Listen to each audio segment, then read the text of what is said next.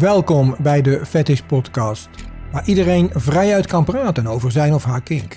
Geen gericht interview, maar een gesprek waarin we vanuit gevoel, liefde en herkenning kink bespreekbaar en toegankelijk maken. Ik ben Dirk en vandaag praat ik opnieuw met Marianne en ook met Erik, haar partner. Marianne, welkom bij het eh, tweede gedeelte van jouw eh, podcast. Ehm, vandaag hebben we ook Erik bij ons. Erik, ehm, wat ben jij voor Marianne? Nou, de, de andere helft, eh, de gekke Belg, klankbord, uh, mededeugniet. Al zo'n beetje alles wat we samen leuk vinden. Fantastisch. Ja. En wat is hij voor jou? Mijn al- allerliefste maatje waar ik op kan bouwen, mededominant. Dus eh duizendpoot. Dus heel handig om te hebben in het spel en daarbuiten. En zijn jullie ook dan, en dat willen mensen ook altijd weten in de klassieke vorm, zijn jullie ook geliefden? Ja. Lekker. Ehm, fantastisch. Ehm, wat ik eigenlijk zou willen is met jullie samen dus meteen over verschillende dingen gaan praten. Waar we mee zouden willen beginnen is wel het, de visie van Marianne op de Nederlandse BDSM scene. Want daar heb jij een mening over. Ja, een mening, een mening. Ehm, de, de BDSM-scene met nu en vroeger is een groot verschil. Eh, het is, ik vind dat het aan het vervlakken is. En het vervlakken komt vooral omdat er heel veel spul uit het buitenland komt. Kwaliteit minder wordt. En eh, de mensen ook wat minder zuinig met elkaar omgaan. Mag ik even onder, wat bedoel je met spullen uit het buitenland? Eh, nou, vooral heel veel Chinese meuk. Eh, speelgoed, onbetrouwbaar, s- eh, onbetrouwbaar speelgoed, goedkope materialen.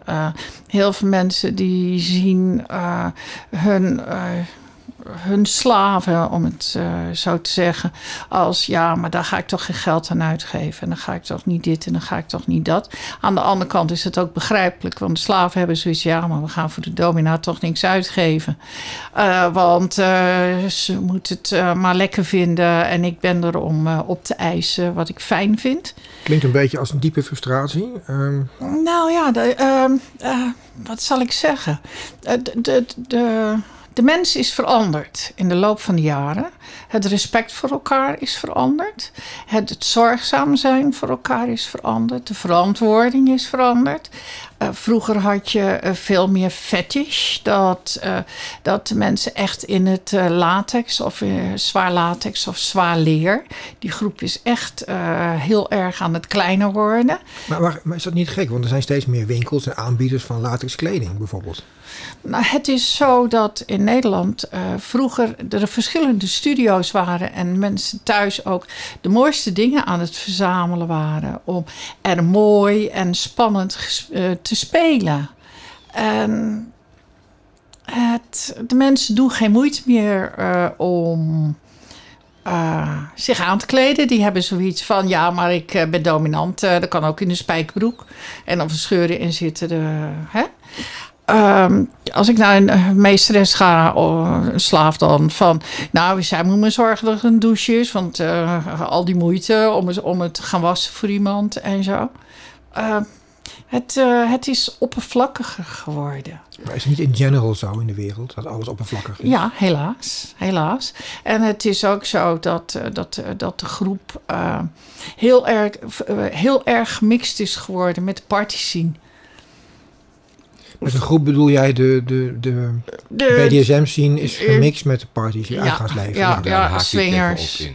ja, dat is Erik, ga je gang. Daar wil ik even op inhaken. Het is, het is zo dat een aantal feestjes die worden gewoon ehm, thematisch in die richting gestuurd. En dan krijg je mensen die verkleden zich om aan de dresscode te voldoen. Maar die hebben eigenlijk niks met het, eh, met het concept zozeer. Zijn geen fetischisten, zijn niet echt spelers. Die hebben gewoon zoiets van, oh leuk. eh, net alsof het een, een Halloween feestje is of een kerstfeestje. We doen even een eh, rode muts en een baard op. Want dan passen we erbij en we gaan even eh, ons ding doen met een pilletje en een borreltje. De, de generalisatie ervan is, is zwaar toe aan het nemen. En dat maakt het moeilijker voor mensen die, die echt zeggen van dit zijn mijn gevoelens, om, om andere echte mensen te vinden. Ja, mensen die dezelfde gevoelens delen, zeg maar. Dat, dat bedoel je dan toch, ja. Ja, dat is een, eh, Het is een dingetje van de wereld. Gelukkig is er het internet waar je wel mensen kan vinden en zoeken en zo. Maar het, uh, het naar buiten toetreden is, is anders geworden.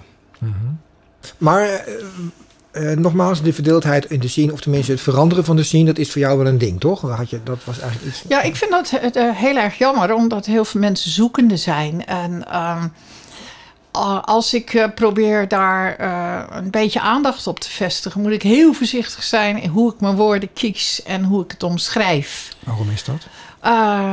ik als professionele domina mag eigenlijk niet bestaan op FedLife. En in heel veel communities. Waarom niet? Uh, ik zou het niet doen vanuit mijn gevoel, maar alleen maar om de centjes. En ik zou het gratis iedereen moeten aanbieden. Ja, precies. Ah ja, tuurlijk. Ja, maar dat is, dan kun je nooit, zo'n discussie win je ook nooit. Nee, nee. nee. Maar dat vind dus, vreemde, mensen, vreemde ze zijn ja. ook niet netjes. Vroeger, als je, een, uh, als je een berichtje of een mailtje kreeg, was het uh, hallo mevrouw of hallo meesteres of wat dan ook. En nou is het hoi. En soms helemaal geen aanhef. Ja, dus uh, af andere tijden. Ja, ja. Het is uh, best vaak zo dat mensen een bepaalde mening hebben. Als je het daar niet mee eens bent, dan uh, in plaats van dat er een, een, normale discussie of een gesprek ontstaat, dan, word je geblokkeerd of je wordt afgezeken door een hoop mensen die wel die mening zijn aangedaan. Het hele simpele gevoel van gelijkwaardigheid tussen, tussen gesprekspartners, ook online, is, is een beetje zoek achter die computer zijn ze semi-anoniem en dan uh, worden er wel eens op hele foute manieren gesprekken gevoerd. Gewoon omdat je, je kijkt elkaar niet in de ogen en elkaar begrijpen schijnt ook wel een dingetje te zijn hoor. Ja, Nederlands is een hele moeilijke taal volgens uh, een hele hoop Nederlanders. Dat, dat lijkt wel zo inderdaad. ja. Wat ik alleen wel ja. grappig vind, uh, Erik heeft het net over dat je inderdaad uh, ja, respectvol met elkaar omgaat in zo'n groep en zo.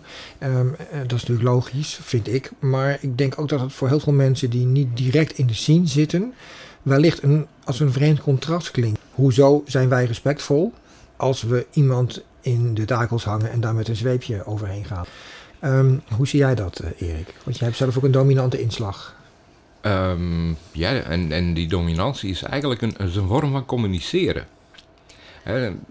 Ik, heb, ik heb twee basisregels waar ik vanuit ga. Je moet het met elkaar eens zijn. Op een respectvolle manier mekaars mening respecteren. En je moet elkaar niet permanent beschadigen. Als jij een bepaalde fantasie hebt die binnen mijn moraliteit ook past. En ik heb daar zin in en we zijn het eens of we kunnen elkaar goed leiden. Waar, waarom zouden we daar niks mee doen? Ja, het is, het is een, een, hele intieme interactie vaak, want je gaat met hele sterke gevoelens om en mensen geven zich ook helemaal bloot. En dan, dan ga je daar iets heen en weer schuiven waar je allebei probeert blij van te worden. Zo simpel is het eigenlijk. Mm-hmm. Als, als jij een bepaald iets hebt, uh, zeg nou jij houdt van rubber en er is iemand uh, die houdt van leren, die vindt rubber maar helemaal niks dan vind ik het logisch, nou als jij niks met rubber hebt, prima, maar respecteer het wel. Mensen zijn, uh, zijn kortzichtig en, en de, de, de bekrompenheid die slaat wel een beetje toe, maar dat hebben we gewoon algemeen. Het, uh, hè. Je hebt last van die vertrutting, uh, op Facebook mag niks, je, je kan nergens nog iets kwijt. Gewoon hele oude blaadjes verkopen. Uh, leuke dingetjes. Katawiki had zo de, de, de porno-dingen elke week, waar je de oude seksblaadjes uit de jaren 60, 70. Nou, die zijn daarmee gestopt, want dat kan niet meer. Want dan uh, doen de mensen die de kredietkaartjes verstrekken en zo moeilijk over. Er is zoveel ja. bezig om, om dingen weer in een verdomhoekje te douwen. Dat is, en dan aan de andere kant, als je s'avonds de tv opzet, dan moet je goed kijken waar je naartoe wil kijken. Want dan zitten ze daar met z'n allen uh, half bloot op de tv te proberen je te laten bellen voor een niet bestaand gesprek. Dus de, Voor 2 euro per minuut. Uh. Ja, maar die, die, die tweeslachtigheid, het, ik vind het allemaal een beetje hypocriet. Ja, als ik zeg van, ik vind het leuk als mensen dat leuk vinden om te faciliteren in pijn en bepaalde dingen. Ik vind het geweldig dat mensen me zoveel vertrouwen willen schenken dat ik een zweepje mag vasthouden bijvoorbeeld en daarmee mag tikken. Ja, precies, ja. ja. Want zij bepalen. Hè? Ze geven mij het recht om iets te doen en zij hebben het recht om stop te zeggen of het niet leuk te vinden of wat dan ook. Ik kan alleen maar zeggen, ik bied iets aan. Heb jij het nooit over gehad, hè? Dat ze het recht, he- dat ze het recht hebben om stop te zetten? Heeft Marianne nooit eh voor- Nee, doe ik ook niet. Dat is een interessant verschil tussen jullie. Dus, eh, jullie zijn allebei dominant. Jullie Ja. leven dus een soort van samen in die beleving. Ja. Maar er is toch een wezenlijk verschil in dan hoe dat voelt, volgens mij. Of Ja. Nee hoor. doe ik het nu eventjes heel zwart-wit, hè? Heel flauw. Maar, Ik, eh, mijn, mijn grenzen liggen een beetje verder. Dus het eh stopzeggen is soms wel een dingetje. Maar zij heeft een, een ontzettend goed gevoel voor waar die grenzen zijn. En dan gaat Mhm. ze tegen duwen en aan kietelen en zo. En die overschrijdt ze niet. Dus ze, ze zeggen eigenlijk nooit stop bij haar. Want tegen het moment dat ze denken van nou ga ik dood, ik wil niet meer, dan begint ze met iets anders. En dan zijn ze weer helemaal van, eh, doe maar. van de apropos af. En dan, eh, eh, en dan begint heel dat proces weer opnieuw. En dat is zo leuk om naar te kijken. Maar bij jou is dat anders dus, begrijp ik. Je gaat iets... Mm, ja. Ja, ja, ja. Ik, ik kijk er eh, vanuit een, eh, een medische kant naar. Hè, van wat kan je met een lichaam doen zonder dat je het stuk maakt. Daar heb ik een, een redelijke blik op. En ik vraag ook nooit aan mensen wat ze leuk vinden. Dat interesseert me eigenlijk niet echt. Ik wil gewoon weten wat ze niet leuk vinden. Want dat vind jij natuurlijk leuk om dan te gaan doen. Nee. Oh, sorry. Nee. Dat gewoon... nee, dat zou respectloos zijn. Dat kan niet. Nee, een overleg toch wel. Nee, nee, nee. Jij maakt een lijst van dingen die niet mogen. Mhm. Die printen we uit, die hangen we in het groot aan de muur. En dan kom je er binnen 10 minuten achter wat je allemaal vergeten bent om op de lijst te zetten. Dat bedoel ik dus, ja. Maar het stond er niet op, dus het was toegestaan. Ja, precies. Handig hoor. Ja, zeker. Goede truc ook. Eh, Oké, dus er is toch een wezenlijk verschil in hoe jullie allebei iets beleven. Hè? Dat Mhm. hoor ik nu duidelijk terug. Eh, wat mij fascineert is hoe je als twee dominanten samen kunt leven. Eh, dat zou je verwachten, dat geeft juist vuurwerk. Omdat er, ja, allebei willen jullie de macht hebben, zou ik dan denken als buitenstaander. Ehm, er, er was een vriendin en die, die was een hele tijd naar ons aan het kijken. En die zei van... In de scene is iedereen bang voor jullie. En als ik dat hier zo zie, ik denk dat ik jullie in het vervolg Cliffy en Beffy ga noemen. Dat is heel interessant. In de scene is iedereen bang voor jullie. Dat is één. Hoe komt dat? Wij hebben ervaring, wij hebben een mening, we komen daar vooruit, we kunnen die onderbouwen. Eh, mensen zien wel eens iets wat we doen. Ja, we zijn wel specifiek aanwezig, ja. Ja. En vaak met dingen die ze nog niet gezien hebben. Ik vind het leuk om dingen te verzinnen die nog niet gebeurd zijn. Ja, dat zijn voor de luisteraar drie abstracties. Hè? Specifiek aanwezig, dingen verzinnen. Dus, hoe er moet- anders uitzien dan een ander, sowieso. Ik, Kun je dat eh, omschrijven? Geef eens een voorbeeld. De vrouw van- met de duizend gezichten. Precies. En hoe is één gezicht? Eh, Mooi, verzorgd. Oké, maar dan vind ik je nog steeds niet eng. Eh, jij zegt mensen vinden ons... Een masker. Mhm. Je ziet alleen maar de ogen. En je hebt verder geen uitdrukking. Dat is toch niet eng, dat is toch heerlijk? Als jij, ja, voor jou wel, maar heel veel mensen die minder eh, in de scene georiënteerd zijn, die zien een masker en die missen de uitdrukkingen. En als je iemand niet kan inschatten qua, qua gelaatsuitdrukkingen en zo, voor veel mensen is dat eng. Daarom zijn- Vrouwen vooral. Ja? Vrouwen zijn bang voor maskers. Heel veel vrouwen krijgen bij een masker de fantasie van verkrachting. Als een man een masker draagt of iemand Nee, anders een masker? nee, als ik zelf? ook. Ja. Heel veel vrouwen eh, die hebben er moeite mee als hun partner een masker draagt.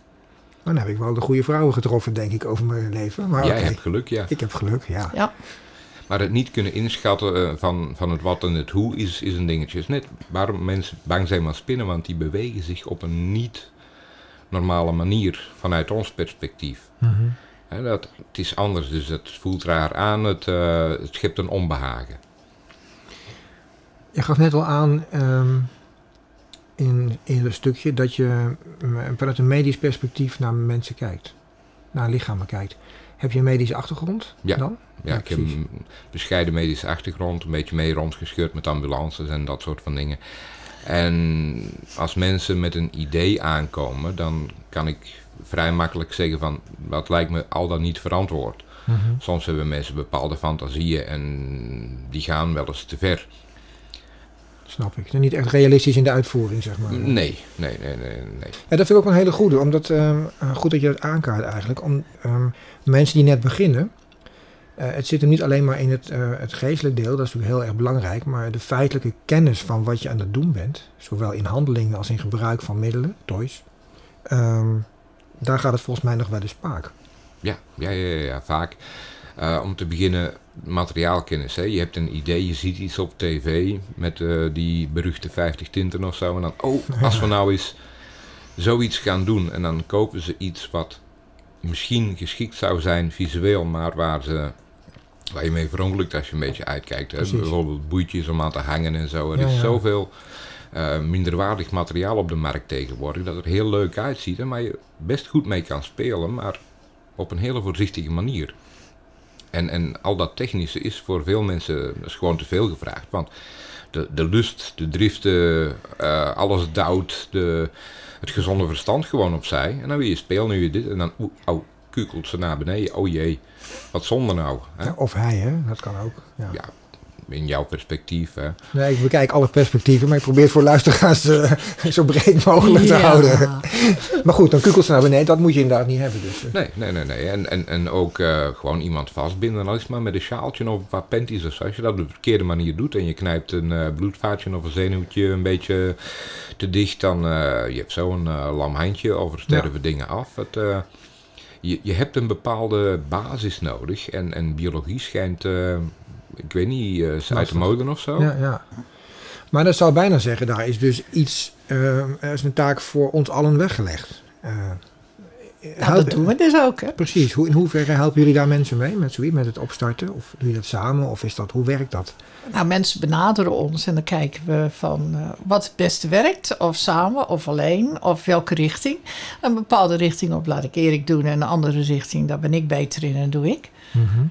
Dus dan maken we duidelijk onze keuzes. En uh, ja, dan is het ook nog zo van uh, dat mensen soms moeite hebben met uh, een man erbij. Of met een vrouw erbij. Dus. Ja, dan moet je ook nog eens switchen natuurlijk, schakelen. Ja. Aha. Um, nou geef je aan dat je die medische achtergrond hebt, Erik. Um, um, maar je bent ook iemand die zelf met leren werkt, dingen maakt. Ja, sinds kort, ja. Ja, uh, dat zijn twee dingen. Dus zowel de medische achtergrond als het zelf maken van toys, middelen. Mm. Dat zal jou toch uh, een uh, behoorlijke kennis geven ook. En die moet je ook hebben om dat te kunnen doen. Hè? Dat is fantastisch, lijkt me. Uh, nee, je hebt die kennis niet eens nodig. Um, we hebben ooit gezegd uh, voor een interviewtje in de krant: bij twijfel niet doen. En dat hebben ze twee pagina's breed over een foto uitgesmeerd. Fantastisch. Daar is alles mee gezegd. Mm -hmm. Als je iets niet weet, dan ga je of zoeken naar de antwoorden en uh, de informatie die je nodig hebt. Maar als je twijfelt, niet doen, dan ga je het eerst zoeken. Doe wat anders. En ja, wie interesse heeft, uitleg is er altijd te krijgen. En soms ook spulletjes. Het hangt er een beetje vanaf wat je zoekt, wat je wil. Als we elkaar kunnen, kunnen helpen en, en ja, samen blij worden, waarom niet, hè? Nee, precies mijn punt. Dat vond daarom gooi ook even in de groep. Want ik vind het uh, fantastisch uh, dat dat kan. En ik denk dat dat ook heel gewenst is. Hè? Want ik denk dat um, doordat alles zo beschikbaar is. Dus mensen kunnen al vanaf uh, kinds af aan op internet de meest gruwelijke porno zien. Ook binnen de BDSM. En daar gebeuren soms dingen in die mensen misschien na willen doen. Daar zijn ze door geprikkeld. Maar ja, dat is niet iets wat je dus zomaar moet doen. Dat was eigenlijk niet mijn ding. Nee, ze noemen bijvoorbeeld iets hangboeien. En dan denken de mensen dat je erin kan hangen. Wat, hoezo kan dat niet? Dat zou ik ook denken. Uh, nou, hangboeien, als je een, een, een boei om je polsen doet, dan als je daaraan gaat hangen, trek je ook aan de gewrichten. Mm -hmm. Dus die rekken, die trek je aan elkaar. Dat hou je niet zo lang vol. Dus je moet een ondersteuning voor je, voor je handen, voor je vingers hebben, waar je omheen vastpakt. En een ondersteuning om je pols. En dan nog een, een hele goede takel. Ik, uh, ik hou niet van ophangpunten aan één punt. Want stel dat die breekt. Dan heb je een probleem. Ja, dus als ik iemand uh, ophang, dan heb ik altijd nog twee extra haken waar ik kettingen aan zet en verbindingen maak. En dan haal ik de, de spanning af. Dat je niet kan verongelukken. Mm -hmm. Kijk, iemand die wordt opgetakeld, die geeft aan dat ze het benauwd krijgt. Mm -hmm. Er staan heel veel mannen omheen en die hebben lol omdat zij daar in de touwtjes hangen, hangt. Niemand luisterde naar haar. Ze waren bezig met een speeltje en naar haar stem werd niet geluisterd. En toen ging ze flat en dan gaan ze proberen de boel los te knopen. Er staan vier mannen omheen. Als ze erop hadden getild, was de spanning van touw afgegaan. Maar daar zijn ze dan tussen haakjes te dom voor. Ik denk niemand aan van met een nou, nee, nou, Zij dacht er wel aan, maar die andere dacht daar wel ja. aan en die gaf die hint ook aan. En Maar dan moet je dat heel voorzichtig doen, want anders, jij weet ook altijd alles beter. Ja, ik zag het misgaan. Ja. Ja. Maar als ik, ik ben heel voorzichtig met eh, advies geven. Ik zorg dat ik in de buurt ben en als het dan misgaat, dat ik het kan opvangen. Maar ik zie dat van tevoren al misgaan. En als ik er wat van zeg, dan, nou, dan heb je haar weer. Dus ik ben heel Ja, en, voorzichtig. dat, en dat vind ik dus zo opmerkelijk, omdat ik denk van... ehm, je hebt gewoon mensen die het wel degelijk weten. En de aanname, de arrogantie van, met de aanname dat je het zelf beter weet... daar gebeuren al die ongelukken dus door dan, als, die, als het al zover komt. Maar eh, we zijn intussen trouwens wel een heel eind weg van het verhaal van de originele vraag. Eh, wel via mijn medisch dingetje, maar... eh, van het, het verschil. Maar dit kom ik eigenlijk weer terug nu bij dat stukje... ehm, Veiligheid. ja, veiligheid, maar ook die, die, dat dingetje in die BDSM zien. Hoe moeilijk het dus blijkbaar is. Dat, jullie worden dus door wat je uit, dan je uiting in fysiek, in kleding, maar soms ook als eng gezien, begrijp ik net, en vreemd. Ja. En dingen aan mij vragen, eh, nee. Want de meeste dominanten vinden dat ze het allemaal zelf al kunnen. Er zijn er maar heel weinig die echt les willen. Ze willen het allemaal zelf uitzoeken. Haantjesgedrag. Allemaal alles was op een hoopje. Hè? Heel Ja. grappig. Jouw dominantie, Erik, die is toch anders dan die van jouw maatje. Dat klopt. Die is anders. Ehm, bij mij is die soms gedoseerd aanwezig. Eh, je zou kunnen zeggen dat ik een eh, politieke dominant ben. Ik weet heel goed wanneer ik eh, het knopje los mag laten waar nul op staat. Ehm, en ik hou me meestal een beetje terug. Ik, ik zal eerder met, met wat humor en wat mild sarcasme de meute overhoop zetten dan dat ik eh, als, als grote dominant eh, verschijn of wat dan ook. Ehm, want ik vind dat dat is iets tussen twee of meer mensen die samen met een spel bezig zijn. En dat hoeft niet per se eh, constant uitgedragen. Ja, dat is oké, dat begrijp ik. Ehm Marianne is iemand die heel erg ook op de mindplay zit, hè, met geest, met invoelendheid werkt. Ehm, jij noemt jezelf niet echt een sadist, hè? Ehm, jij noemt jezelf wel iets meer een sadist. Ja, ik heb dat iets. ik heb daar iets meer van, maar ehm, eh, ik, kan, ik kan het eh, aanzetten, ik kan het toepassen als het aangebracht is. Als, als mensen daar blij van worden, dan eh, kan ik daarin faciliteren. Maar ik hoef niet als sadist met mensen om te gaan. Het is gewoon een, een heel klein aspect van, van mijn hele ik. Precies, ja. Er is nu een hele discussie aan de gang over consent. Hè? Dus van, je moet mensen toestemming vragen, het moet allemaal zus, allemaal zo. Eigenlijk wat ik jou steeds hoor zeggen is, als mensen dat goed vinden, als mensen toestemming geven. Dat zeg jij ook steeds, eh Marjan. Dus dat is heel leuk, omdat bij ons is dat eigenlijk al logisch dat je dingen aan elkaar vraagt. Eh, consent is binnen de BDSM eigenlijk heel gewoon. Dat is het, eh, het absolute basisgebeuren. Als, als ik met iemand aan het spelen ben en er komt een eh, zogenaamde dominant langs en die raakt die persoon dan aan, eh, dan is er een heel ernstige kans dat ik hem ook aanraak of haar. Dat is een, een, een dermate ernstige inbreuk in de intimiteit. Dat is een soort van verkrachting. Dat kan je niet maken. Dat vind ik ook. Alles begint met consent. Daar staat en valt alles mee.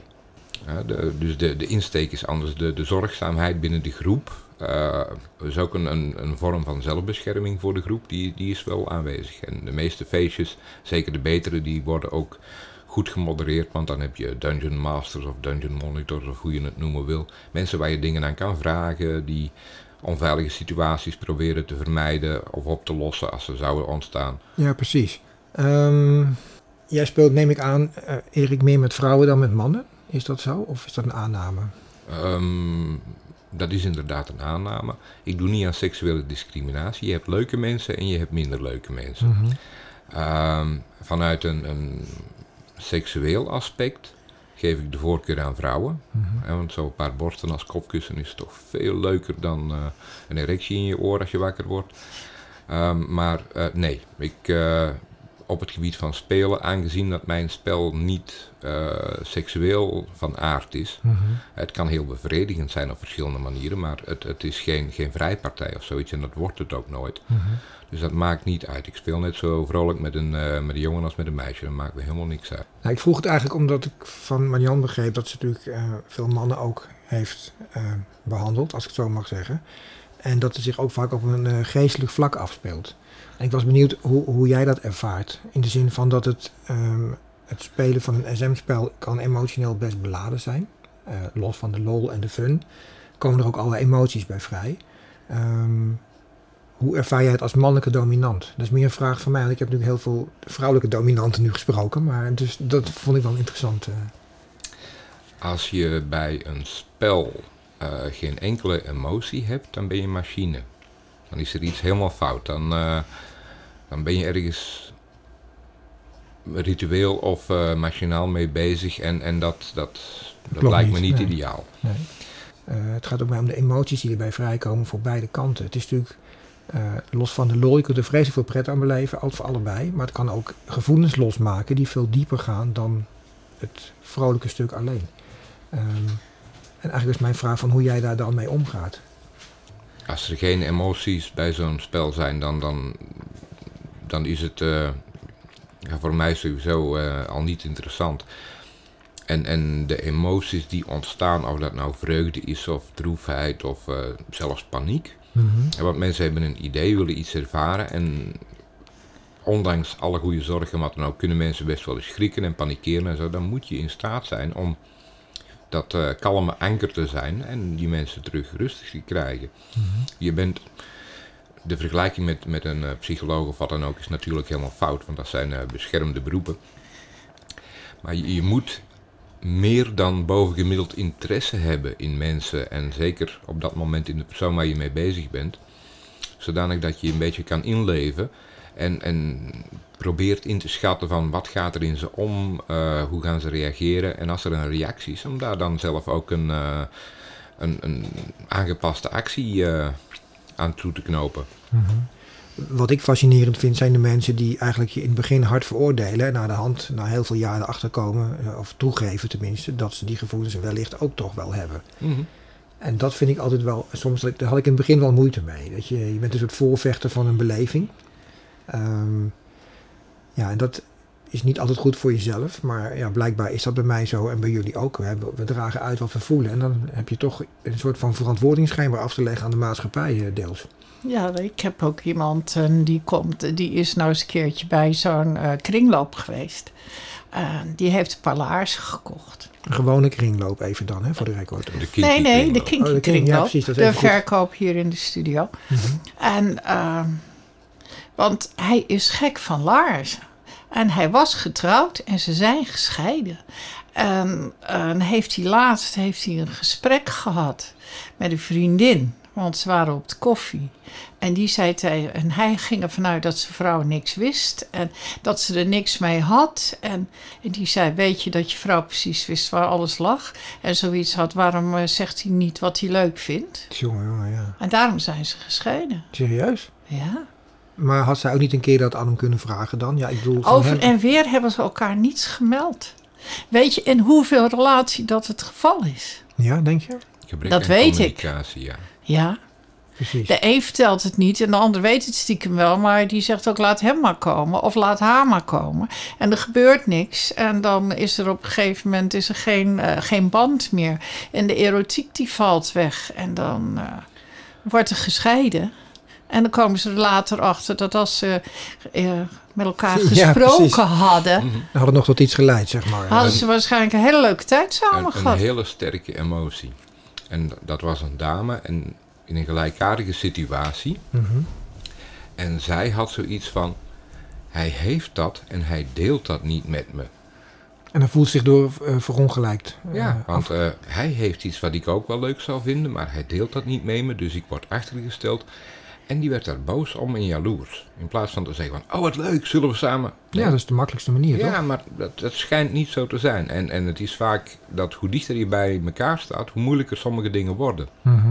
En daar ken ik dito voorbeelden van. Dat is heel zonde. Ja, dat wou ik net zeggen. Dat is eigenlijk heel jammer dan, toch? Maar als je dat soort dingen nou vertelt, hè, dan zeg je ook van ja, je mag eigenlijk niet zeggen, dat zei je wat eerder, dat, een, eh, eh, dat je psycholoog bent. Dat zijn beschermde beroepen. Nee, Nee, dat, die vergelijking wou ik per se niet Nee, die, maken. heb ik, Nee. die opleiding heb ik ook niet. Kom op.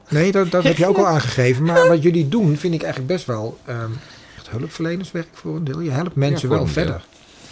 Je, je, de simpelste manier zou je eigenlijk kunnen zeggen van... ik probeer mensen uit te leggen dat als zij zich gedragen alsof wat zij doen niet door de beugel kan, dat anderen het daarmee eens zijn. Mhm. Maar als jij zegt van wat ik doe is misschien anders dan wat jullie doen, maar dat is prima, dan zijn de meeste mensen het er ook mee eens. Ja, dat is waar. En je eigen houding bepaalt voor een heel groot deel hoe anderen tegen je aankijken. Ja, dan kom ik gelijk op een ander punt. Veel mensen kijken tegen de fetish scene aan als iets duisters en donkers. Eh, en daar had jij een hele andere visie op, uh, Marianne. Ja, voor mij is uh, BDSM is openheid, eerlijkheid. Ik zie mezelf als een witte heks. En ik zie het niet als donker en duister, maar als vrijheid. Want je kan met je gevoelens eerlijk naar buiten komen. Er, is helemaal niks donkers aan gevoelens die in jezelf zitten. Of het moet uh, in de richting moorddadig zijn. Maar dat is een hele andere categorie en dan ga je voor de gevangenis in. Maar uh, wij, uh, wij doen hele andere dingen. Ik ben met gevoelens van mensen bezig. En ja, daar geniet ik van. Mm -hmm. um... Er is nog iets anders wat ik met jullie wil bespreken. Dat is het verschijnsel subspace. Uh, dat vind jij, Marian, een fout woord of een foute place, plek? Subspace is het punt. Nou, dat... uh, subspace is een wat situatie is, uh, waarin je je geest laat wegvloeien in een bepaalde gedachte of gevoel en niet meer aanspreekbaar bent. Maar dat, je, is, dat gebeurt in een spel, hè, voor de mensen die het niet weten. Um, dat dus, kan in een spel gebeuren, ja. En hoe nog anders dan? Uh, er zijn ook mensen die dat uh, over zichzelf kunnen afroepen. Interessant. Daar hoeft niet altijd iemand bij te zijn. Er zijn ook mensen die dat echt zoeken en daar handigheid in krijgen en dat proberen zelf op te roepen. Uh, lijkt me niet altijd handig. Ja, maar het gebeurt wel. Ik hou niet van subspace. Uh, de reden waarom ik. Nou, van. Ik zal, laat ik het wat genuanceerder zeggen. Ik hou van bepaalde subspace, hou ik niet. Dat is dat je met iemand bezig bent en zo iemand die heeft het geweldig naar zijn zin. En die, die, die, die wil helemaal wegdrijven en die wil daar eigenlijk nog een paar uur in verblijven. Mm-hmm.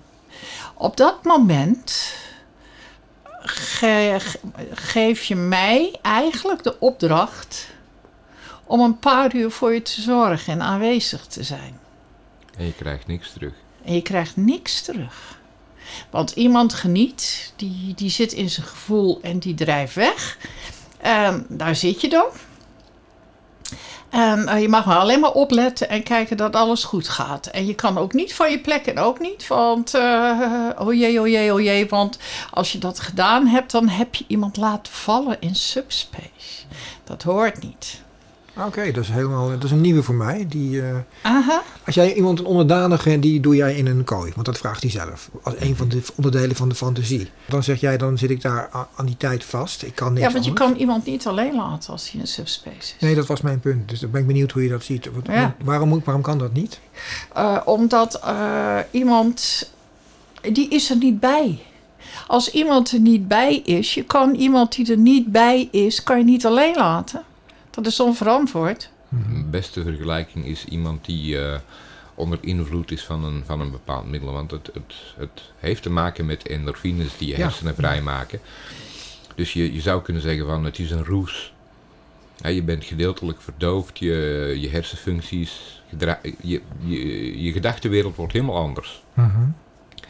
Dus zo iemand, zeker in een uh, situatie die niet 100% veilig is, zoals een kooi of wat dan ook, kan je niet alleen laten. Nee, precies. Want wat, wat ik ook nog interessant vond, ik las op uh, VetLife een keer een verhaaltje uh, vrij onlangs over iemand, een dominant, die stelde een vraag over een persoon die was in subspace en die kwam daar niet meer uit. En toen werd er dus ge, uh, gesteld van ja, we hebben in het gezicht geslagen, water eroverheen gegooid. En denk, ik heb ja. het ook gelezen, ja. En toen kon ik er niet later iets op te reageren. Ik moet je zeggen, de, de reactie ben ik nu vergeten. Maar hij kwam, wat, wat mij fascineerde was... Het is helemaal niet goed dat ik dat nu zo zeg. Maar de, wat mij fascineerde was het feit van... A, dat je zo'n spel gaat doen en al niet weet hoe je iemand eruit moet halen. Dat vond ik al... denk, daar moet je toch misschien even over nadenken voor je eraan begint. Maar dat is toch ook weer een... Dat, daar moet je toch wel in verdiepen, denk ik. Want het is gewoon een chemische, dan wel geestelijke toestand van iemand. Als iemand die gebruikt verkeerde drugs, kan je ook in blijven hangen. Hm. Um, Is dat jullie wel eens overkomen, zoiets? Dat je met iemand... Nee, want ik zie iemand die richting op gaan en dan haal ik hem erbij. Dat gaat niet gebeuren. Nee, dat doe je al eerder. nee, want een tik in je gezichtje gaat niet dat, want dan zijn we klaar. Ja. En waar zie je dat aan? Eh, aan de reacties, aan de ogen. eh, Wijzigingen Gewoon- in temperatuur, Ja. gevoel van de huid. Het is, eh, je voelt het aankomen. je kan die, chem- die chemische reactie een heel klein beetje inschatten. Ja. Mhm. De huid verandert. De, de, de, de- op een of andere manier gaan de poriën anders staan. Eh, Maar dat is dus echt ervaring ook die je moet hebben om dat te kunnen doen. Of eh, dat leer je. Ja. Dat leer je. Door ervaring eh, ja, krijg je daar een beetje zicht op. Mhm. Ehm, ja, ik heb nog een andere vraagje, maar die, die, de andere vraag is eigenlijk nog, maar die is misschien niet helemaal relevant, maar ehm, want ik vroeg me af hoe werkt het hele BDSM, SM, jullie beleving door in je privéleven, maar het is jullie leven. Ja. Dus dat is eigenlijk een, Wij beleven het zo intens dat we het willen delen. precies. Ja. We zijn daar eigenlijk continu mee bezig op een of andere manier. Nee, maar daarom, dat vind ik zo mooi van, van, eh, van jullie, dat je dus ook naar buiten ermee komt en eh, een herkenning bent en een klankbord voor vele anderen. Want dat is denk ik eh, waarom we hier ook met z'n drieën een beetje zitten. Dat je dus mensen ook het gevoel wil geven dat wat ze voelen is niet vreemd, niet bijzonder, niet Is raar. Ja, dat bedoel ik. Oké, nou, ehm, ik heb eigenlijk geen vragen meer. Is er nog iets wat ik niet heb gevraagd, wat een van jullie nog zou willen vertellen? Vast wel een keer. Ja, want eh, dit gaan we natuurlijk nog veel vaker doen. We gaan een steeds grotere groep mensen om tafel zetten en dan gaan we hele... Leuk. Ja, dat lijkt me heel leuk. Ja, Ehm, het van alles en nog wat over hebben. Daarom heb ik nu ook, eh, dit, begin dit jaar, heb ik eh, de oudere muntjes opgezet. Oké. Want, eh, want mensen, eh, iedereen wordt altijd verwezen naar muntjes. Maar het is, eh, ik vind het eh, vaak te druk. Ik heb er niks wat- Een aan. munch is een bijeenkomst waar gelijkgestemden op ontspannen en informele wijze elkaar kunnen ontmoeten. Ja, het, het nadeel is dat het vaak te druk en heel luidruchtig is en ook nog muziek. Ehm, waardoor, en als je niemand kent, dan is het ook heel moeilijk om contacten te leggen daar. Is dat moeilijk omdat je eh, daar geen gelegenheid toe krijgt? Of omdat je dat eh, mensen Nou, niet... iedereen die zoekt elkaar op die elkaar kent en de rest, eh, de- dat staat er een beetje bij. Ja, daar heb ik nog één dingetje op aan te vullen, als je het goed vindt even. Dat is best wel interessant. Ik was vroeger super verlegen, zou je nu misschien niet zeggen. Maar op een bepaald moment heb ik me aangeleerd om bij groepen te gaan staan. En gewoon erbij te staan. Dan luister je naar een stuk gesprek wat mogelijk boeiend is. En daar haak ik op in. En dan denken ze eerst, ja, wie is die gek? Nou, dat ben ik dan. En dan heb je, dus als het lukt en het klikt een beetje, heb je ineens een gesprek. En dan kun je met iedereen individueel. Heel veel mensen willen toch graag hun verhaal doen. En dan heb je al heel snel. Die uitspraak van nou, van jou, die is een podcast op zich waard. Ja. eh, welke van wat ik allemaal zei bedoel je? Dat ik eerst verlegen was? Hoe overwin je een schuchter moment en haak je in op een groep? Dat is heel makkelijk. Ja, je hebt het net gezegd, maar ik zou er een thema van maken. Ja. Echt waar. Ja? Ja, Ja, want Je wil eh, niet weten hoe moeilijk dat voor veel mensen is. Niet alleen voor jezelf, maar of was. dat, dat wordt gezocht van hoe doe je zoiets. Mhm. Want heel veel mensen zoeken contact en weten wij God niet hoe. Wij verwijzen wel naar jou toe. Leuk. Nou, ik denk dat het voor heel veel mensen, ja, dat vind ik me steeds moeilijker voor te stellen, omdat ik natuurlijk dat heb geleerd en jullie ook. Maar ik denk voor heel veel mensen is het al moeilijk om hun eigen fetish te benoemen. Om Ja. überhaupt een gevoel te omschrijven, dat kunnen de meeste mensen niet of nauwelijks, is mijn ervaring. Eh, die niet dat hebben geleerd door dat ze voor een gevoel zich moesten verdedigen, zoals wij dat misschien iets meer hebben moeten doen. Ik praat even voor mezelf nu. Ik heb me vaak moeten verdedigen voor wat ik voel, vooroordelen. Eh, maar ik wil dat eh, heel graag gaan doen, lijkt me leuk. Hmm. Wie weet eh, wie ik er nog mee eh, over de streep kan trekken. Oké, nou dan ehm, zou ik jullie willen bedanken voor de medewerking. Nou, wij, Ehm, wij eh, jou ook. En ehm, ik hoop jullie op een ander moment eh, nog eens te spreken over misschien een Melkmachines. melkma- Oh, die was je weer vergeten. melkmachines. Daar Ja. eh, gaan we het in een volgende podcast zeker over Ja. hebben. Eh, dank voor jullie medewerking. Graag gedaan. Was leuk, dank. Dank voor het luisteren naar de Fetish Podcast. Ik hoop dat ook dit gesprek je heeft geamuseerd, geraakt of verder helpt met je eigen fetishbeleving. Via de website synquest.nl kun je altijd een reactie sturen. Bijvoorbeeld als je zelf een verhaal hebt wat je graag met ons wilt delen. Op de site vind je ook linkjes naar andere podcasts en mogelijk voor jou interessante sites over BDSM in het algemeen. Dat was het voor nu, tot de volgende keer. En reageer ik anders via synquest.nl. S-I-N van Nico quest.nl